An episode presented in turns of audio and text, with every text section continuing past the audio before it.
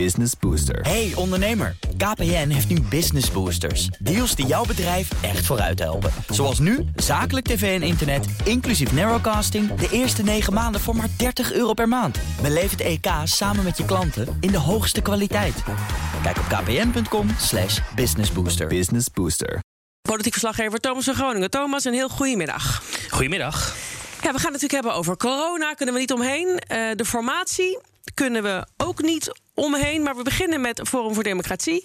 Die hebben topadvocaat Gerard Spong ingeschakeld. Ehm, daar kwam jij achter. We hebben hem geprobeerd te spreken. Dat duurde niet lang. Dat kwam door mij. Ehm, maar goed, Ging, je ging er wel heel hard in erover, moet ik zeggen. Ja, ik, het- nou ja, god, het, gaat, het is live radio natuurlijk. Ik dacht een plagerige eerste vraag moet kunnen. En ik had echt verwacht, Ja. hij pareert er met... dat geldt ook voor u, of iets dergelijks. Of ja, natuurlijk vind ik aandacht belangrijk... want dit is een hele serieuze zaak, of iets dergelijks. Maar, Ja, voor wie het ehm, gemist heeft, staat op Twitter allemaal, hè, geloof ik. Kan je oh, op met me, echt. Eh, maar goed, het nieuws is dus dat eh, Gerard Spong, de, de bekende topadvocaat... dit wordt inderdaad de advocaat van Thierry Baudet. Eh, Baudet krijgt een civiele zaak, een kort geding achter zich aan. Volgende week woensdag dient dat. Twee Joodse organisaties, waaronder het CIDI... en vier overlevenden van de holocaust... die zeggen, jij moet stoppen met die holocaustvergelijking. Want hij vergelijkt regelmatig dus de coronamaatregelen in Nederland... met de holocaust bijvoorbeeld. door destijds een keer een foto die geplaatst is... van een jongetje dat niet naar een Sinterklaasviering mocht... met daarnaast een foto van een jongen die op het punt stond... om gedeporteerd te worden naar Nazi-Duitsland. En zo zijn er nog wel meer vergelijkingen geweest op zijn social media. En zij zeggen, jij moet ermee stoppen... anders kost je dat 25.000 euro per dag... als je die berichten niet verwijdert. En de Ja. rechter moet daar dus zich over buigen volgende week. Ja, en eh, de heer Spong die gaat dus deze zaak verdedigen. Ja, en dat is in die zin ook politiek gezien opmerkelijk. Omdat Spong er echt eh, politiek gezien een heel andere mening op nahoudt dan Forum voor Democratie. Dat kan natuurlijk. Ik bedoel, zijn werk is advocaat. Dus eh, hij kan best, eh, als hij een moordenaar verdedigt, dan hoeft hij het ook niet eens te zijn met die moordenaar, zullen we maar zeggen. Eh, d- dat is logisch in dat vakgebied. Alleen in deze is het opmerkelijk omdat Spong in het verleden bijvoorbeeld de aanjager was van de eerste strafzaak tegen Geert Wilders. Dat ging toen niet om de minder-minder uitspraken. Dan moeten we nog iets verder terug. Dit ging nog om de film Fitna. En om uitspraken van Wilders in de Volkskrant. eh, ergens in 2007, 2008. Waarin hij zei dat bijvoorbeeld de helft van de Koran fascistisch was. Nou, dat soort teksten. Daarvan zei Sprong destijds, dit is haatzaaiend. Toen zat hij een keer bij College Tour. Eh, dat programma bestond er nog, Nova College Tour. En daar zei hij, je moet aangifte doen. En hij heeft die studenten toen ook geholpen. Eh, en hij vond later ook dat toen Wilders vrijgesproken werd in die zaak... toen is hij naar de Hoge Raad gestapt en heeft hij gezegd... jullie moeten Wilders alsnog voor haatzaaien vervolgen. Nou, uiteindelijk heeft hij daar een bot gevangen. Later is Wilders overigens wel veroordeeld eh, voor groepsbelediging... maar dat was over die minder-minder uitspraken. Maar Ja. toch, dus hij speelde daar een rol in. Ja, en nu gaat hij zelf dus een politicus verdedigen... die ook bepaalde pittige uitspraken heeft gedaan. Ja, en dat doet hij niet voor de aandacht, weten we inmiddels. Nou ja, hij zal dat voor de juridisch, hij zal dat juridisch behoorlijk interessant vinden. Nee, denk tuurlijk ik. is dat juridisch hartstikke interessant. Ja, Ja. En, en, en, en ja, de vraag is natuurlijk, het is een kort geding. Volgende week woensdag dient het. En ja, Forum zal daar wel wat aandacht mee winnen, kan ik me zo voorstellen. Wij hebben het er nu ook weer over. Zo is het ook. Precies. Ehm, we gaan naar ehm, corona. Wat vind je daarvan? Want de komende dagen moet het kabinet daar eh, knopen over doorhakken. Wat hoor jij in de wandelgangen? Ja, in eerste instantie werd eh, gezegd, ik gisteren ook al een keer gezegd, van ja, het wordt de saaiste persconferentie, corona-persconferentie ooit. Nou, of dat helemaal waar is, dat weten we niet. Wat we nu horen in de wandelgangen is dat het toch richting het OMT gevraagd is van, nou ja, als we nu kijken naar de cijfers, we zien dat we in een dalend been terecht zijn gekomen. Dat heeft Jaap van Dissel ook gezegd, dat heeft ook Ernst Kuipers, de beddenbaas, eh, gezegd. Ziet het er nou goed uit? Moeten we nou iets meer doen? Moeten we misschien iets minder doen? Kan er iets van, die, van het maatregelenpakket af? En die vraag is dus naar het OMT gegaan. En die vergaderen vrijdag. Oké. En eh, ja, in Den Haag merk je toch wel achter schermen dat eh, ja, er zijn partijen die zeggen: laten we nou niet te vroeg juichen. Want ja, we zien inderdaad dat het aantal besmettingen iets daalt. Maar we kunnen niet helemaal inschatten waar het nou door komt. Komt dat door de nieuwe testregels? Hè? Je mag tegenwoordig ook zelf testen. Of zit daar toch iets anders achter? Zijn dit echt de effecten van de maatregelen?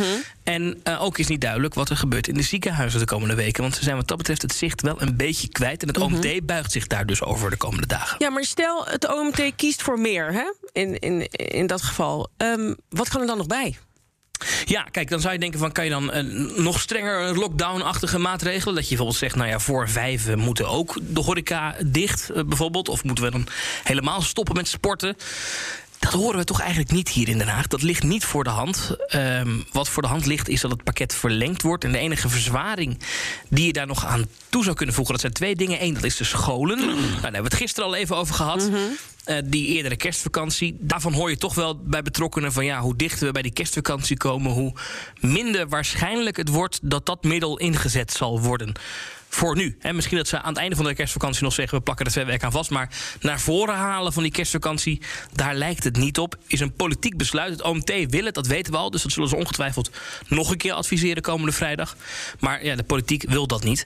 Een ander ding wat dan nog in het gereedschapskistje zit... dat is het corona-toegangsbewijs bij niet-essentiële detailhandel en dienstverlening. Oh ja, die was er ook nog.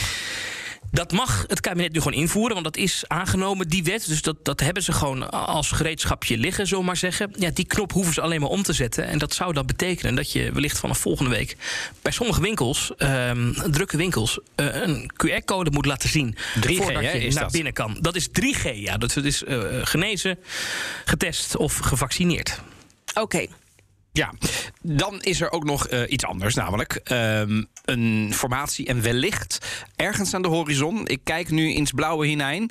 Thomas, een coalitieakkoord wat wellicht opgloort? Ja, en dat is toch wel interessant, hè? Want dus, voor jouw beeld, je krijgt dus vrijdag het OMT, dan heb je zondag Katshuis. Ja.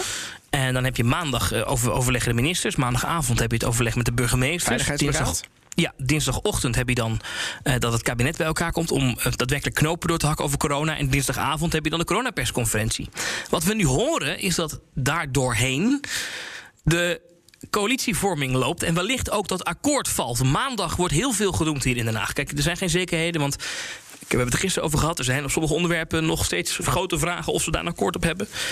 Maar het zou zomaar kunnen dat dus maandag daartussendoor nog even oh. Mark Rutte een coalitieakkoord moet presenteren. Ja, maar hoe gaan ze dat doen, Thomas? Hoe ja, werkt dat, zoiets? Dat, dat is logistiek, wordt dat heel bijzonder. Ook dit weekend wordt dat wel heel, heel apart eigenlijk. Want je moet je voorstellen dat voordat ze dat akkoord echt kunnen presenteren... Uh, krijgen die uh, fracties van die vier partijen dat, dat ding ook nog te lezen. Die gaan dan ergens vergaderen. Nou, vier jaar geleden zaten ze allemaal op geheime locaties met elkaar te overleggen, die fracties. Ja, daar moet Rutte toch ook bij zijn. Terwijl die dus zondag ook verwacht wordt in het katshuis om over de coronamaatregelen te praten. Nou, die man heeft nog een drukke agenda. Nou, wat, welke, dag, sorry, welke, welke dag zou beter kunnen zijn om het, om het iets meer rust te geven? Nou ja, volgende week is gewoon een hele moeilijke week. Want je hebt dus nou ja, de corona, maar je hebt dus ook het coronadebat dat gevoerd moet worden. En Rutte moet donderdag eigenlijk al naar Brussel. Want donderdag en vrijdag is er Europese Raad. Daar moet hij bij zijn. Uh, en dan moeten in die week zouden dan dus en dat coalitieakkoord moeten presenteren. En de coronabesluitvorming moeten doen. En de coronapersconferentie moeten doen. En uh, het coronadebat moeten doen. En het debat over de formatie moeten doen. Waarin die formeel wordt aangewezen als formateur. Ja, oh, doe je dit over uit je hoofd, Thomas? Ja, dit doe ik uit mijn hoofd. Ik denk dat Thomas denkt, als hij dat moet doen, dan moet ik dit ook allemaal doen. Dat is bij redelijk goed en chronologisch en strak. Maar laten we eerlijk zijn, dit is natuurlijk uh, hartstikke veel. Dat zou niet erg zijn, want dan moet je maar wat harder werken. Want het zijn allemaal belangrijke dingen. Maar kan het wel allemaal gecombineerd worden? dat, is het natuurlijk. Wel, dat is echt de grote vraag. Mensen ze hebben zichzelf wel een beetje dit opgelegd. Doordat de informateurs aan de Tweede Kamer hebben laten weten... ja, we doen het voor het kerstreces. Dus voor vrijdag 17 december ligt dat akkoord in jullie in, zullen we maar zeggen.